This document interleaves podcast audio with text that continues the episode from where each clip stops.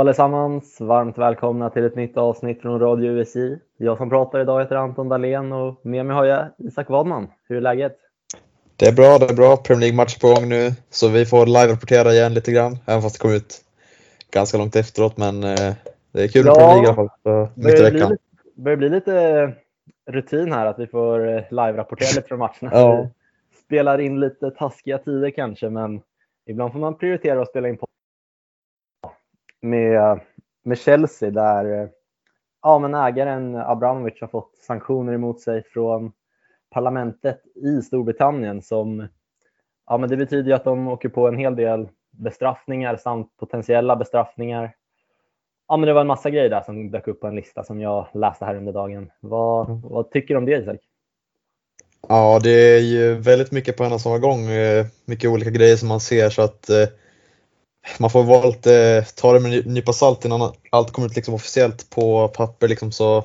Men om det här, som du säger, skulle hända så alltså det kan ju vara helt, liksom, det kan ju ruinera Chelsea. Liksom, så att, eh, ja, det är stora nyheter och eh, ja, ändå lite chockande. Liksom. Ja, verkligen. Man, man kände väl att någonting var på gång och Abramovic har gått ut med att han vill sälja klubben här men har inte lyckats göra det så här snabbt som man kanske hade tänkt. Och det ledde väl till att de här sanktionerna kom som troligtvis han själv befarade också. Men om vi ska ta ner det lite så handlar det ju om att eh, från och med nu så får inte Abramovic, det vill säga Chelsea som klubb, tjäna pengar på, ja men de får inte tjäna pengar helt enkelt. Och jag såg en lista här som, ja men den nämner ju att de, de får inte köpa nya spelare. De får inte förlänga kontrakt med nuvarande spelare och de får inte heller sälja matchbiljetter. Utan det är bara redan sålda säsongskortsinnehavare som får gå på matcherna. Från och med nu. Sen är väl säkert de kommande matcherna här har säkert många biljetter redan blivit sålda, men ja. om man tänker mot slutet av säsongen så kanske, ja, då kanske det inte ens blir fullsatt på Stamford Bridge om, om de här reglerna nu blir spikade. För det är ju lite, man får ta det med en liten nypa salt ändå. Liksom. Är, man vet inte riktigt vad, hur det kommer falla ut sen om några dagar nu. Det kommer väl komma klara besked från från Chelsea också, för man har inte hört jättemycket från dem gällande det här än så länge eftersom det är så färska nyheter också. Och sen stod det också att, de inte, att Abramovic inte får sälja klubben.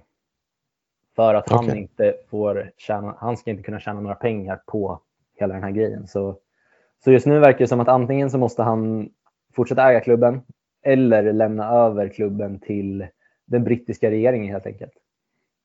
Och ja, vad vet, man vet ju inte riktigt vad det får för konsekvenser heller. Nej. Helt klart ett spänt läge och ja, man vet inte riktigt. Får se om det påverkar dem sportsligt också. Det är i alla fall en stor röra i Chelsea, kan man ju lugnt säga. Ja. Det är väl såklart från att fortsätta spela matcher och sånt, men vi pratade lite om det innan också. Det, det pratas ju också om poängavdrag och liksom, en sån grej kan ju för, förstöra ja. en hel säsong. Det är liksom... Eh, ja. Det snackas typ om nio poäng liksom och då är de ju borta från Champions League-platsen plötsligt och ligger typ så här, kanske inte ens på Europa League-plats. Jag vet inte riktigt. Alltså det är ju ganska tajt där i, eh, vid topp 4-strecket och runt där så att eh, ja, det kan ju verkligen förstöra pengar, pengainkomsterna från det också. Om det skulle tillåtas med allt vad det innebär med Europaspel och allting. Så att ja, det, är, det blir spännande att följa det Verkligen och eh, det finns ju ett flertal spelare som har utgående kontrakt också. Om det här skulle ligga kvar och ja, men att de inte kan förlänga med de spelarna, det, det skulle ju vara en enorm förlust för, för Chelsea, både sportsligt och ekonomiskt såklart. Och de kommer få förlora en hel del spelare gratis då när den här säsongen är slut. Till exempel så är det ju flera mittbackar, Christensen, Rydiger, sitter båda på utgående kontrakt efter den här säsongen. Så. Ja, det blir spännande att följa. Det är lite svårt att säga hur det kommer falla ut som sagt, men det får väl framtiden döma helt enkelt. Men eh, de har ju spelat lite fotboll Chelsea också. Spelar just nu när vi pratar. Leder med 2-0 tror jag mot Norwich. Men eh, vi får väl snacka lite om eh, ja, men lördagsmatchen. Där vann de med 4-0 mot Burnley. Ja, alltså första halvleken var ju liksom ingen briljant fotbollsmatch från, eller ja, Burnley utförde sin matchplan bra, liksom höll tätt och så och skapade ändå någon chans men sen i andra, andra halvleken tog ju Chelsea över helt liksom. De körde över dem och Rich James och Havertz eh, visade formbesked även om James nu blev skadad i veckan, eller kände, kände av på matchen och blev borta en stund nu så att, eh, men ja, de, eh, ja, de dominerar ju helt andra halvleken och välförtjänt vinst för dem. Ja, verkligen. Det är väl lite besked ändå. Det kändes som att ja, men Chelsea är tillbaka nu liksom i toppen. De visade väl även i finalen mot Liverpool i ligacupen att de, ja, men de börjar hitta formen igen. De hade ju en liten svacka där ett tag. Mycket på grund av skadorna. Liksom. Och det är väl tråkigt att James försvinner nu när han precis har kommit tillbaka. För det är, det är en viktig spelare för Chelsea, eller vad säger du? Ja men absolut. Alltså, deras spel, alltså när, när de är som bäst så är det ju wingbacksen som funkar, liksom Chilwell och James. Alltså, de ger ju otroligt mycket till anfallen. Liksom. Det är samma som med eh, Trent och Robertson i Liverpool. Eh, liksom, de skapar ju väldigt mycket offensiv och gör ändå mål också. Som man såg Rich James gjort mål mot Burnley och gjort mål mot eh, ja, Arsenal och eh, Newcastle bland annat. Så att, alltså, de ger otroligt mycket och alltså, James är en helt annan typ av ytterback än Aspelikueta som spelar nu. Liksom, James har ju mycket mer av de här offensiva kvaliteterna och inläggsfoten och snabbheten och tekniken och allting så att ja, det är eh, tråkigt för dem alltså. Han är väldigt ja, bra. Verkligen. Han gjorde ju både mål och assist här i matchen mot Burnley så det är såklart ett tapp och hoppas för Chelseas skull att han inte blir borta allt för länge. Det lät väl som att det skulle vara någon vecka men ja. det kan ju vara, det kan bli dyrt för Chelsea om han är borta också för det är en del tuffa matcher som kommer framöver. Men det ja. var ju flera matcher som spelades under lördagen. Det först ut var väl Leicester som besegrade Leeds med 1-0. Lite spännande där med ny tränare i Leeds. Um, mm. Fick väl inte riktig effekt direkt, även om de, de var bättre än Leicester den här matchen, tycker jag i alla fall. Ja, jag såg inte matchen, men alltså, de släpper i alla fall inte in mer än tre mål. Liksom, så att, och jag antar att de var lite mer defensivt kompakta. Då. Um, rent vad det ser ut som resultatmässigt. Då, så att, eh, ja, jag tror att, eh, jag vet inte vad du säger om den matchen, liksom, om du har något mer? Nej, men jag tycker Leeds, Leeds gör en bra match ändå och eh, 1-0 till Leicester är väl inte helt rättvist. Ett oavgjort resultat hade väl varit spelat matchbilden lite mer. Men det är väl lite som du är inne på. Det känns väl som att de, de försökte i alla fall att täppa till lite bakåt och liksom ändå. Det känns väl som March liksom ändå börjar med att försöka få rätt på defensiven och det, det, tror jag ändå är rätt tänkt. För om de ska hålla sig kvar så måste de ju sluta släppa in mål som de har gjort under hela säsongen igenom med Bielsa vid rodret. Men ja, vi får se. Det är lite svårt att säga efter en match. Man får väl utvärdera när det har gått några matcher och det är inte jättemånga matcher kvar heller. Så det, det är viktigt att han får, får på plats så fort som möjligt om de ska klara sig kvar i Premier League. Och det är ju ingen självklarhet. Nej. De spelar ju ikväll mot Aston Villa och Aston Villa de eh, gjorde en riktigt bra match här i helgen när de spöade Southampton med hela 4-0. Ja, alltså Southampton som vi har berömt dem hela säsongen liksom gjort jättebra insatser mot eh, många olika kvaliteter av lag liksom och ja, jag trodde ändå att det skulle vara en jämn match på förhand liksom att eh, Brocha och Adam skulle kunna ställa till det för för Villas försvarare men ja, Villa kör ju över dem liksom och Coutinho är tillbaka efter några matcher utan någon produktion så får han komma tillbaka och eh, göra mål och sånt och det gör han även nu när vi har spelat in här så har han gjort eh, 1-0 då så att han, han är fortfarande på gång och ja, Villa är på uppgång efter lite knackig eh, period för några veckor sedan. Så ja. Ja, de, de inledde ju bra med Gerard och sen hade de en liten formsvacka här men av allt att döma så är de på väg tillbaka till bra form igen och lite intressant tycker jag ändå att det är att han ändå lyckats få in både Watkins och Ings tillsammans nu i startelvan med mm. Coutinho mm. lite, lite släpande bakom i en mer ja, men tia-roll typ. Det var intressant ja. att se och jag tror att det var likadant i matchen som spelas just nu också, att alla de tre spelar tillsammans. Precis. finns ju en hel del att välja på där framåt, men en spelare som som jag tänker lite på det är Leon Bailey. Han har inte riktigt fått det, han har haft en lite skadeproblem och så också under säsongen, men jag förväntade mig ändå mer när han kom till Aston Villa. Jag trodde att han skulle vara en, en mer tongivande spelare än vad han varit. Ja, det är väl att de har skiftat lite system. Ibland kör de liksom med den här diamantformationen som de har börjat med nu och de har kört 4-3 liksom, eller 4-2-3-1 så att eh, och sen har han inte riktigt tittat in liksom i laget. Han har inte Alltså han hade väl något mål i början av säsongen man kanske trodde att ja, här har vi något på gång liksom, men han har inte riktigt hittat eh, något liksom formstim att liksom bygga vidare på. Så ja, men han har ju det i sig liksom, men det är frågan om mm. eh, hur han ska få chansen liksom. Ja, kanske är det lilla där Bundesliga-spökena. Det ja. det är inte självklart att Bundesliga, stjärnspelare i Bundesliga kommer att göra det bra i Premier League har vi märkt de senaste åren, inte minst med flera spelare som har skiftat lite i form. Men, ja, men det är svårt att säga. Han, eh, nu när de spelar den formationen som de gör just nu så är det lite svårt för Bailey också. att Han har ingen solklar roll i det. Han är ju mer en, en ytter skulle jag säga i alla fall. Ja.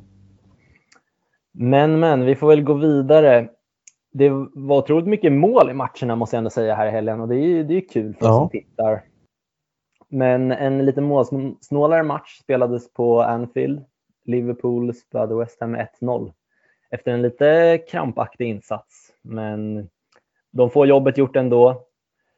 Mané med avgörande målet efter en fin framspelning från Trent Alexander-Arnold. Men det verkar ändå så, som att West Ham är en, ett av lagen som ändå Ja, men de, de har stört Liverpool i båda matcherna här och de vann ju förra mötet på London Stadium. Och, ja, men, eh, det ser ut som att Liverpool har problem med West Ham men lyckas ändå ta den här 1-0-vinsten och det är väl viktigt det också. Såg du den matchen då?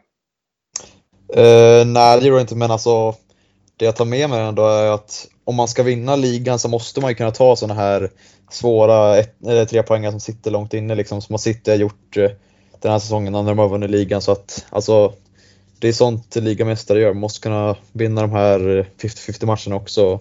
Det gör de här och eh, ja, titelkampen är ju högst levande just nu så att ja, det kommer bli ruggigt spännande att se avslutningen nu på ligan. Det, det verkar bli riktigt fint. Mm, verkligen. Det känns ju, alltså man ju inte bli jättechockad om både Liverpool och City går rent nu, alltså fram till slutet. Mm. Förutom matchen när de möter varandra såklart och det blir väl den som, den som avgör hur ligan ja. slutar tror jag. Sen visst kan det ju komma något litet poängtapp på båda lagen men jag skulle inte bli helt förvånad heller om de bara går rent resten nu. För det är två mm. otroligt bra lag. Men eh, det är fighten om ligatiteln, men det är en liten fight ändå om topp fyra fortfarande måste man ändå säga. Även ja. om eh, ditt kära Arsenal har kopplat greppet nu måste man ändå säga, för nu, nu ser det riktigt bra ut. Ja, även om de inte spelar någon match i helgen så som du säger, alltså, det ser ju väldigt bra ut. Liksom. De har två, de har ju spelat tre mindre matcher än United och en mer poäng så att där är ju läget perfekt och samma med eh, West Ham, tre matcher mindre men eh, tre mer poäng. Så att, och Tottenham har en match mer spelad med tre mindre poäng. Så att allt ligger i deras händer nu och det är väl på något sätt bra ändå. Men så att eh, de vet vad de ska göra. Liksom. Det, det är bara att vinna och ta så många poäng som möjligt. Och det är ändå bra att man har lite liksom, andrum bakom sig så att det inte blir för pressat. Så att ja, men det ser bra ut, som vi har sagt förra avsnittet också.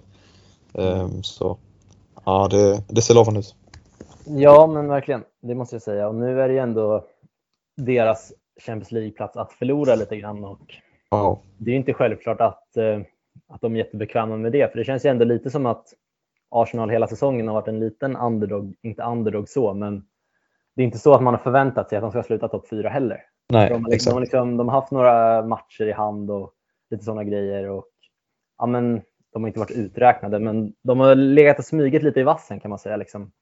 Ja. Några poäng bakom, men nu när de börjar spela och vinna igen så ja, men då kopplar de i greppet. Och jag vet inte tusan om West Ham eller Manchester United kan utmana nu. Jag har lite svårt att se det. Det är väl nästan Spurs, ja. som är, Spurs på något sätt som är i utmaningen. Ja, det som blir lilla kluriga nu är att Arsenal, med tanke på deras uppskjutna matcher, så får de ju typ så tre Premier League-matcher på har räknat rätt om det är sex dagar, eller? Eller typ en vecka mm. i alla fall.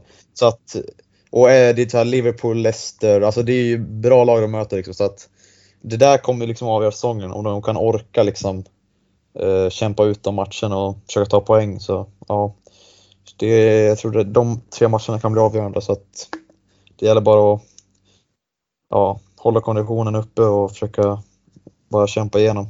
Det blir svårt men det finns en chans. Mm. Och de har ju inget kuppspel att oroa sig över heller, så det är, mm. det är positivt. De, är, de är inte med i Europa och sen har de åkt ut i FA-cupen, va? om jag inte har fel. Ja. Precis, då har de bara Premier League att tänka på. Och eh, ja, men en av deras konkurrenter där runt fjärdeplatsen var ju Manchester United och de spelade ett Manchester Derby här i söndags. Men där blev det förlust med 4-1 mm. och eh, ja, efter matchen så snackades mycket om, det var otroligt mycket kritik mot Manchester United för ja, men det var många som sa att de gav upp i andra halvlek och ja, jag ska inte säga emot. Det kändes ju det kändes väldigt uppgivet i det rödklädda laget där när City ångade på i andra halvlek. Och, ja, men man, man är väl inte chockad över att City vinner heller, men ändå att det får se ut på det sättet, det tycker inte jag är helt okej okay om jag hade varit United-supporter för andra halvlek. Ja, vad ska man säga egentligen? Det, alltså det var en, andra halvlek var ju bara en tråkig fotbollshalvlek. Liksom. Det var, kändes bara som en avslagen träningsmatch. Liksom. Det var, nej, United försökte verkligen ingenting. De spelade bara om matchen och nej, det, det kan jag, jag tror inte någon United sportsman är nöjd med den här matchen så att eh, nej, de, eh, de får aldrig liksom igång det. Även fast de haft ändå ganska bra alltså, record i ligan så sen Ragnik kom in så har de aldrig liksom gjort någon jättebra insats känns det som. Eh, tycker jag. Nej, de hade ju ett ganska fint schema i början där med många, mm. många bottenlag som de mötte, så där tog de ju lite poäng. Men, ja, men när det blir lite tuffare matcher så har de inte riktigt Nej, men de har inte, de har inte riktigt kommit upp i nivå och man har inte sett jättemycket bra grejer heller av dem egentligen. Så ja, det är oroväckande, men i första halvlek så tycker jag ändå det kändes, ja, men kanske inte en jämn match, men ändå en derbymatch där båda lagen ville väldigt mycket. Ja. Och eh, ja, men när Sancho gjorde 1-1, då kände man ändå att om det här kan bli match. För då kändes det som att United ändå var farliga när de kom fram på kontringar och ja, men en del anfall. Liksom.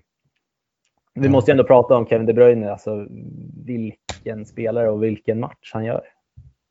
Ja, alltså den här säsongen har ju varit lite till och från för honom. Liksom. Han, är, han har gjort några mål men sen har det gått några matcher utan att tänka liksom, han liksom, eh, har han pikat liksom? Men nu visar han liksom den kvalitet han har. Två mål i en match, ett Manchester Derby. Han visar att han gör mål när det behövs. Och, ja.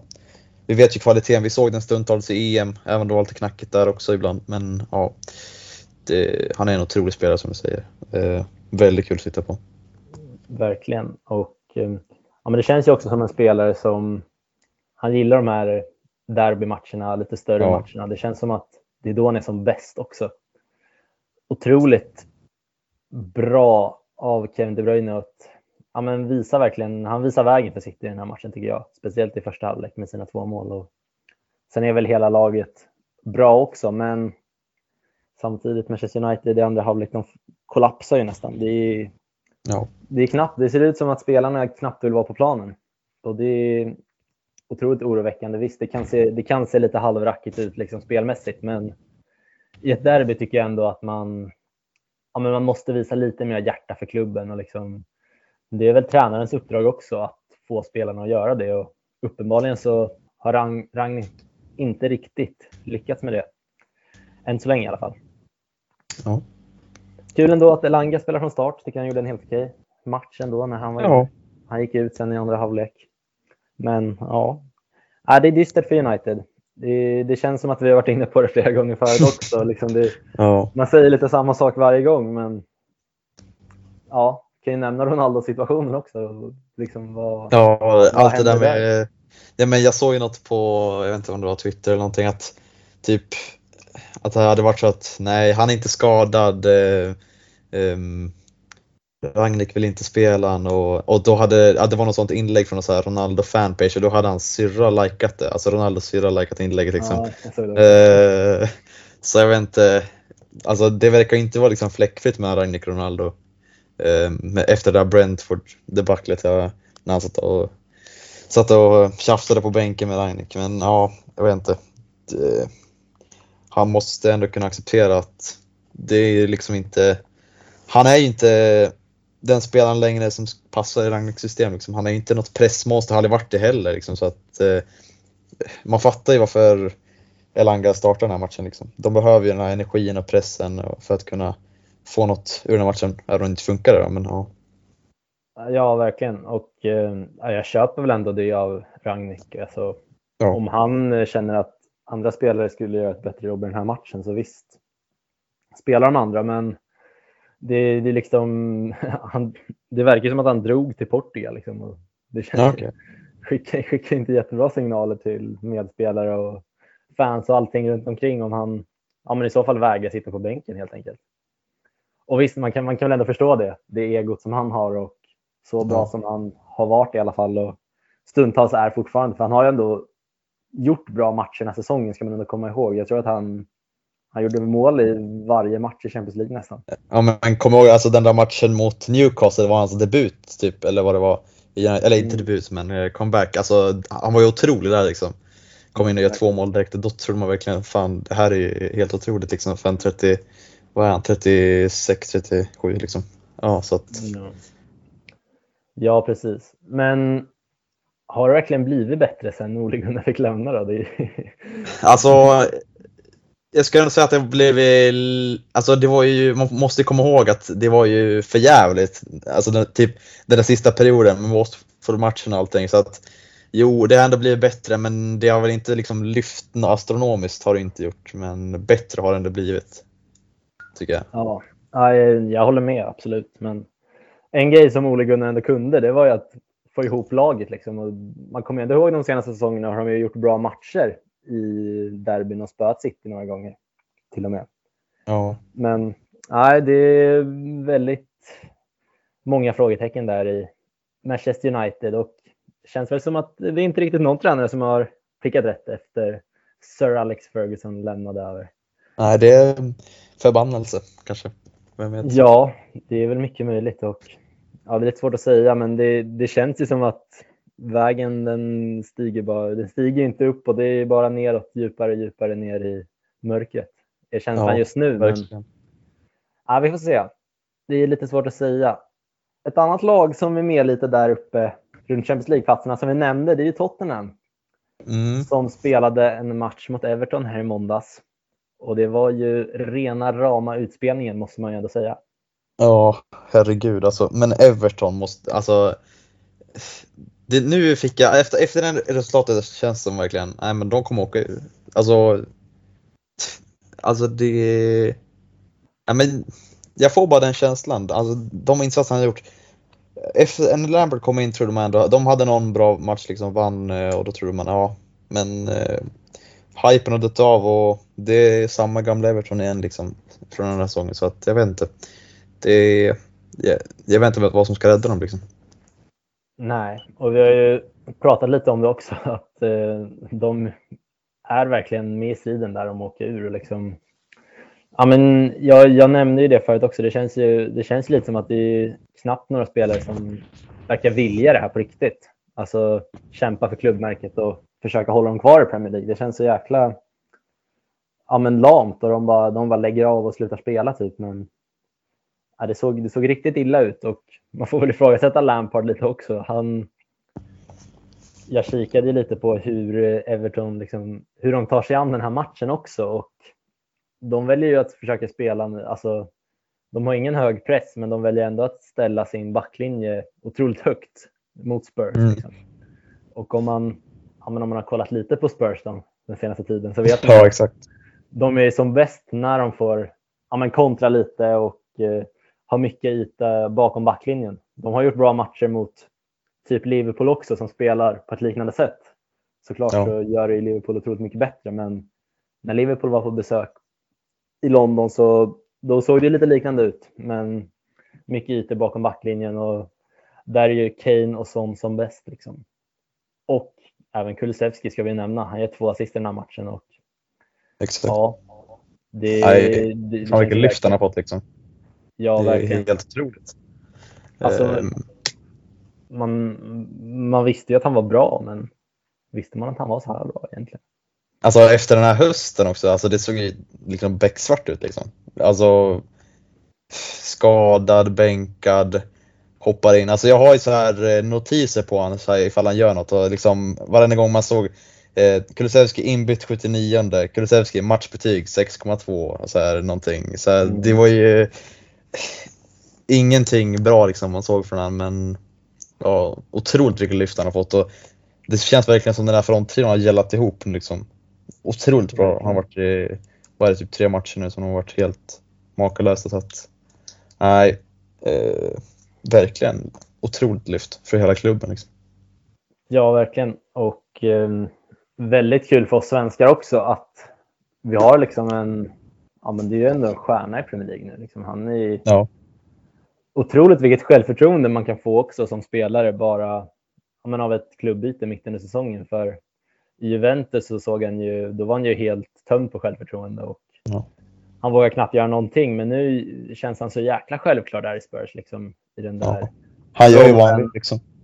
Ja, men verkligen. Även om kanske ja, men man märker att han, han, slår lite felpassningar här och där, men han har fort, så fort han får bollen så känns det ändå farligt och han har alltid kloka idéer och försöker hitta ja, men farliga passningar. Det är en, det är en rolig spelare att titta på för han, han är verkligen inte rädd att utmana sin spelare heller, så han, han går mm. alltid framåt och passar ju otroligt bra in i hur Spurs vill spela också.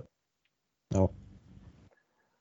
Så det är väl, eh, Spurs känns ändå, det är så svårt att säga med dem. De vinner, vinner och förlorar och man vet ju inte riktigt vart man har dem. Men, ja, men det är 4-0 nu mot Leeds.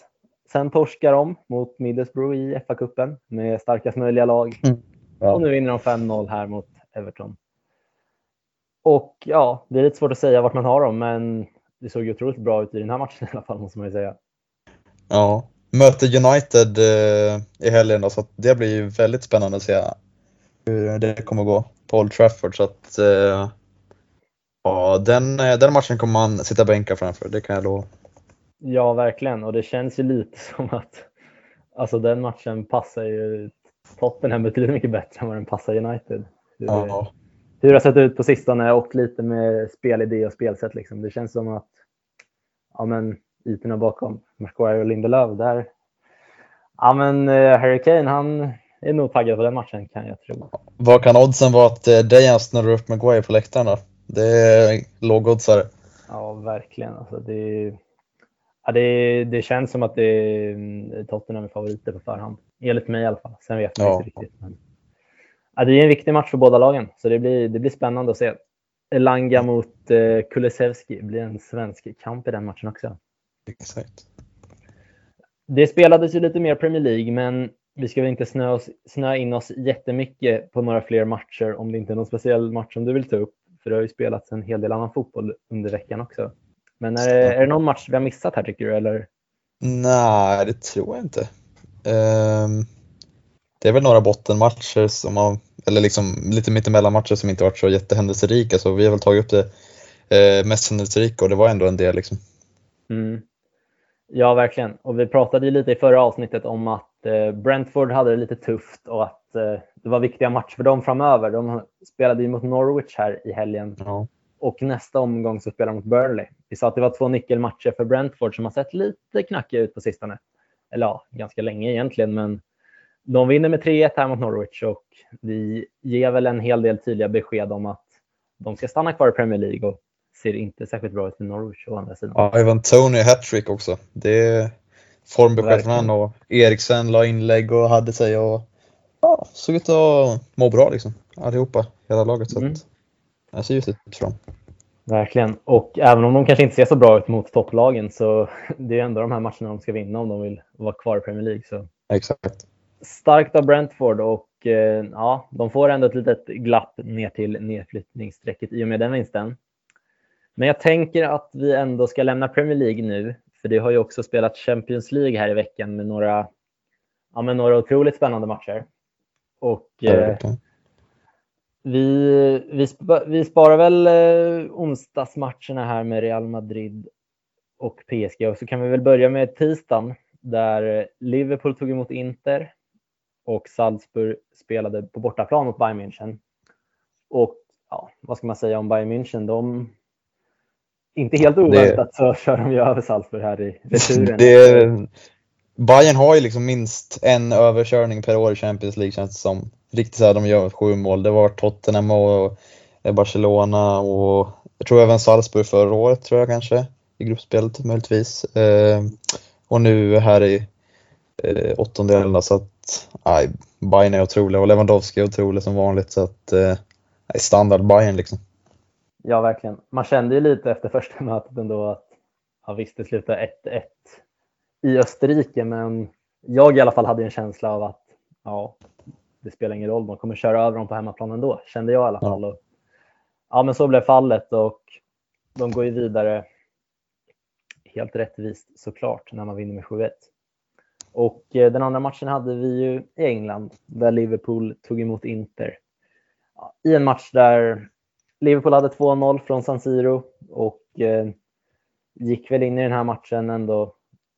Ja, men många sa att det var klart på förhand och det skulle jag väl ändå inte vilja säga, men matchen slutade ju 0-1, men det kändes ändå ganska kontrollerat av Liverpool ändå, eller vad säger du?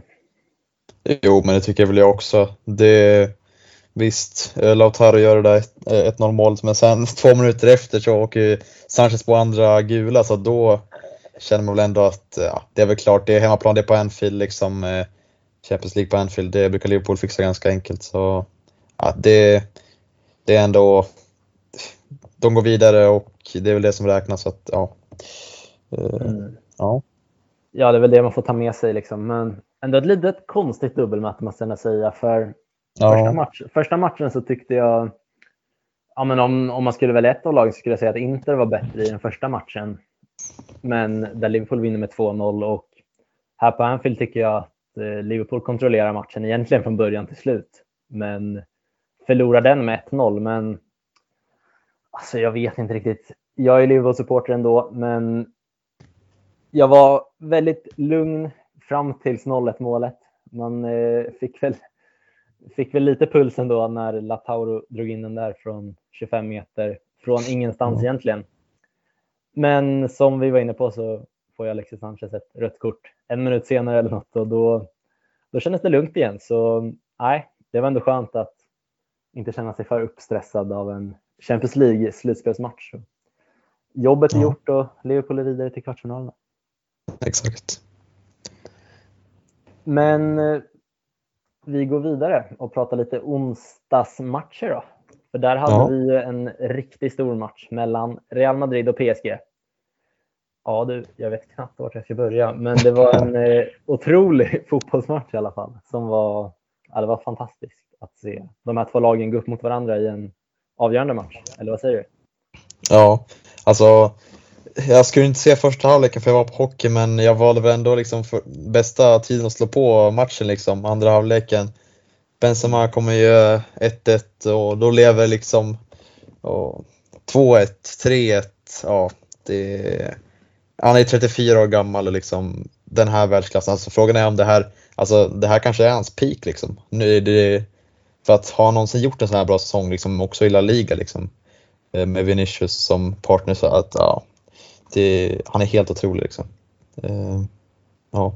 ja, det är väl bara instämma. Det är ju helt fantastiskt att se Benzema göra det här, för han har ändå ja, men han har varit i skuggan av Ronaldo så pass länge också, mm. men han, man har ju alltid vetat att det är en bra fotbollsspelare, men nu visar han ju att han, han är en av de bästa i världen just nu, måste man ju säga. Liksom. Och, ja, men det är sådana här matcher man kommer ihåg, kommer komma ihåg i flera år framöver också. Man kommer ju tänka på den här matchen att ja, men det var det här dubbelmötet som Benzema avgjorde med ett hattrick. Liksom. Och ja. hattrick i en sån här match, det, det händer inte ofta. Så det, det var otroligt. Men, ja, men om du missar första halvlek så kan jag ändå säga det att PSG var ju överlägsna i första halvlek. Ja, jag hörde det. Och de leder ju rättvist också med 1-0 efter att Mbappé har gjort det målet på en kontring av, från en fin framspelning från Neymar också. Nej, men det, det kändes ju liksom som att PSG hade kontroll på det hela vägen egentligen. Fram tills det att Donnarumma gör den där missen. Mm. Frispark mm. enligt vissa. Men måste ändå säga att det är ett misstag hur som helst. Även om, även om eh, man kan diskutera om att det skulle vara en frispark. Ja, exakt. Tycker, du, tycker du att det är frispark? Eller? Alltså jag vet inte. Det är väl en, alltså jag har inte, jag har inte stenkoll på de här eh, liksom, små detaljerna som ska avgöra. Men alltså, som du säger, det, alltså det jag tänker är väl som du säger att liksom, det är fortfarande ett misstag. Så att eh, mm. det ska inte hända först och främst. Så att, ja, man får ju lägga det på Donnarumma ändå. Så att, ja. ja, verkligen. Han ska ju inte sätta sig i den situationen heller för han har ju, han har ju chansen att spela bort bollen. Ja. Men eh, samtidigt, jag tycker det, tycker det är en lite 50-50 situation och visst, alltså det brukar ju bli frispark i sådana lägen när målvakter om man får en liten tryckare. Liksom. Men samtidigt om, man, om, det, om det hade varit en, en mittback, typ Kim Pembe, som fått den tacklingen, då, då hade det ju aldrig varit frispark. Liksom. Mm. Så på något sätt så tycker jag ändå att det är rätt. Och ja, det är en, det är en tavla liksom. Och det är det som vänder på matchen helt och hållet. För efter det så, efter det så är det ju bara ett, ett lag på banan. Det är otroligt vilket momentum Real Madrid fick av det målet. Och publiken var verkligen med dem också. Det var en otroligt bra stämning på Santiago Bernabéu igår. Ja, men vet du varför ena långsidan är täckt av det här jävla draperiet? Alltså, um, är det, ja, de, är det på grund av den här ombyggnationen? För att ja. jag vet inte, det måste ju vara det för att det kan ju inte vara några covid-grejer längre för att det var ju fullsatt överallt annars liksom så att mm. jag tyckte, ja det, fan. Jag ville se mm. fullsatt liksom, bara koka men fan det kan inte koka när det är ett draperi där liksom. Nej, det blir, jag, det, jag är ganska säker på att det har med ombyggnaden att göra. Ja. Men jag håller med, det blir lite, det blir lite konstigt från för liksom, alltså den bilden man får se från kameran. Då blir, ser det ju nästan ut som att det är någon covid-match. Typ, att Exakt. publiken det... är där. Även om man hörde publiken i alla fall. Så det, det ja. verkar ju som att det, det var bra tryck ändå. Men ja, jag håller med att den där, det där täcket eller vad man ska kalla det, det, ja. det förstör lite grann. Men ja, det var ändå en otrolig stämning och ja, det är liksom, jag vet inte vad man ska säga. Alltså, enligt mig var Real Madrid ändå favoriter på förhand. Mm. Vilket ändå är, ja men det är ganska sjukt att säga det ändå för det är ju något otroligt, otroligt misslyckande för PSG. Ja, och Pochettino, han är väl liksom, det är väl i princip 100% att han får sparken efter säsongen. Liksom. Det, mm. Med tanke på PSGs tränarhistorik så finns det inte en chans att han blir kvar eh, nästa säsong. Så att, ja. Får se om United snappar upp honom i sommar eller någon, något sådär. Men som vi har varit inne på så är väl inte vi jättepositiva till den, eh, den tanken. Eh, ja, jag vet inte. Nej, och det känns väl som om man inte kan få ordning på det där superlaget i PSG så vet jag inte vad man, man ska göra i United. För där känns det, det känns lite som att det är liknande, att det är, det är många egon i United-truppen också. Som, ja, verkligen. Ja, det är, det är lite rörigt det där, men måste ju nämna det igen att det är ett otroligt fiasko att PSG åker ut med, med den sommaren ja. som de gör. Plockar in Ramos, Donnarumma, Hakimi, Wijnaldum, Messi. Liksom det, ja, men det, enda, det målet de hade det var ju liksom att vinna Champions League. Det var ju det de byggde ja. truppen för. Och, ja, jag tycker det ändå är rättvist att Real går vidare, för jag tycker det är, det är ett bättre fotbollslag. Mm, absolut. Ja, och jag tycker ändå vi ska nämna Luka Modric också. En av ja. absoluta favoritspelare. Alltså, framspelningen där till Benzemas andra mål tror jag det är. Ja, den är ju helt ja. fantastisk. Alltså, när, han, när han kliver upp där utanför straffområdet och bara lirkar in den till tunnel på någon PSG-back. Liksom. Det är en sån där pass som ja, men det är få spelare i världen som kan slå den passningen. Jag tycker det kan vara bra i defensiven också, Luka Modric. Alltså, det är en ja. otrolig fotbollsspelare. Också en liksom evighetsmaskin. Han tar aldrig slut liksom och gör bra saker. Liksom. Man tror att han ska bara dippa av men han fortsätter bara kötta och bara vara världsklass hela tiden. Så att, äh, otrolig mm. spelare. Uh, man, har ju, ja. man har ju pratat ganska länge om att liksom Real Madrid är på väg neråt och att de har mm. en gammal trupp eh, hit och dit. Visst, de har väl förstärkt lite, lite grann med lite yngre spelare, David Alaba och, och så vidare och Vinicius Junior som har kommit in som en liten Ja, men som ett litet nyförvärv ändå den här säsongen. Ja, det kan verkligen även säga. Om, även om han har varit där ett tag så känns det som att han typ kom in den här säsongen. Ja, verkligen. Ja, det är fascinerande och jag vet inte tusan om inte Real Madrid Alltså de har ju, de har ju truppen och en otroligt skicklig tränare, Ancelotti. Liksom. De kan ju lätt gå till en final. Liksom. Ja, man vill ändå se dem där. Liksom. Alltså, det var ett tag sedan eh, man såg, alltså de hade sin dominans där eh, ja, senast var väl mot Liverpool de tog den eh, trettonde titeln så att eh, man har ändå vant sig att se Real i en Champions League-final och ska nog vara kul att se dem mot något engelskt lag eller ja, jag vet inte, kanske en Liverpool-revansch liksom. Eh, eller för mm. deras del Liverpool. Så att eh, ja, det blir spännande att se. Verkligen och eh, ja, det är väl det, det är väl det som är frågan liksom om de klarar att göra samma sak mot ett engelskt topplag. För det känns ju ändå som, ja, ja men det är väl City, Liverpool, Real Madrid, Bayern München kanske som är stora favoriterna ja. just nu. Chelsea kanske ska in där också för det ska man inte glömma bort att de är fortfarande ett otroligt bra lag även om Premier League känns lite kört för dem. Ja. ja det blir spännande och resten av åttondelsfinalerna de avgörs ju nästa vecka när ja, det är väl United, Atletico i alla fall och Ajax Benfica vet jag. Mm. Och sen har vi ja, Chelsea Lille är väl typ avgjort. Juventus Villarreal ska spela returen i Turin också. Ja, det blir ja. spännande verkligen. Det blir det. Och det känns, eh, känns ändå som en, en öppen Champions League-säsong. Man vet inte, det är inga så här solklara. Vi var inne på det, det finns flera lag som är kapabla till att vinna det, men Mm. Jag har lite svårt att välja ut en favorit. Jag vet inte, hur känner du? Nej, men det, är, det är lite kul också. Det behåller spänningen i det och ja, för alltså ingen gillar ju när det finns en liksom solklar vinnare. Det ska ju finnas lite något att spela för liksom. Så att, eh, ja, det är kul med många lag som kan utmana och ja, det känns väldigt öppet som du säger.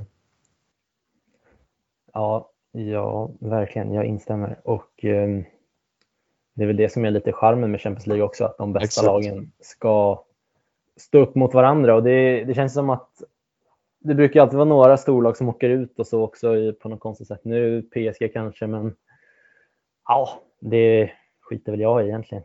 Men det finns väl värre lag att åka ut. Liksom. Man, ja, men Real, jag blev ändå glad att Real Madrid gick vidare. För det, ja.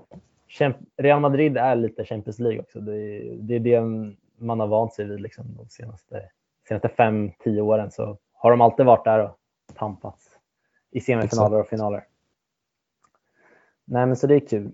Um, ja, jag vet inte riktigt. Finns det några mer matcher att snacka om kanske? Jag vet inte riktigt. Vi har ju lite Europa League det, idag. Exakt.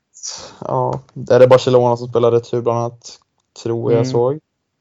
Ja, Galatasaray uh, spelar de mot idag tror jag. Jaha, vänta, det är en ny omgång?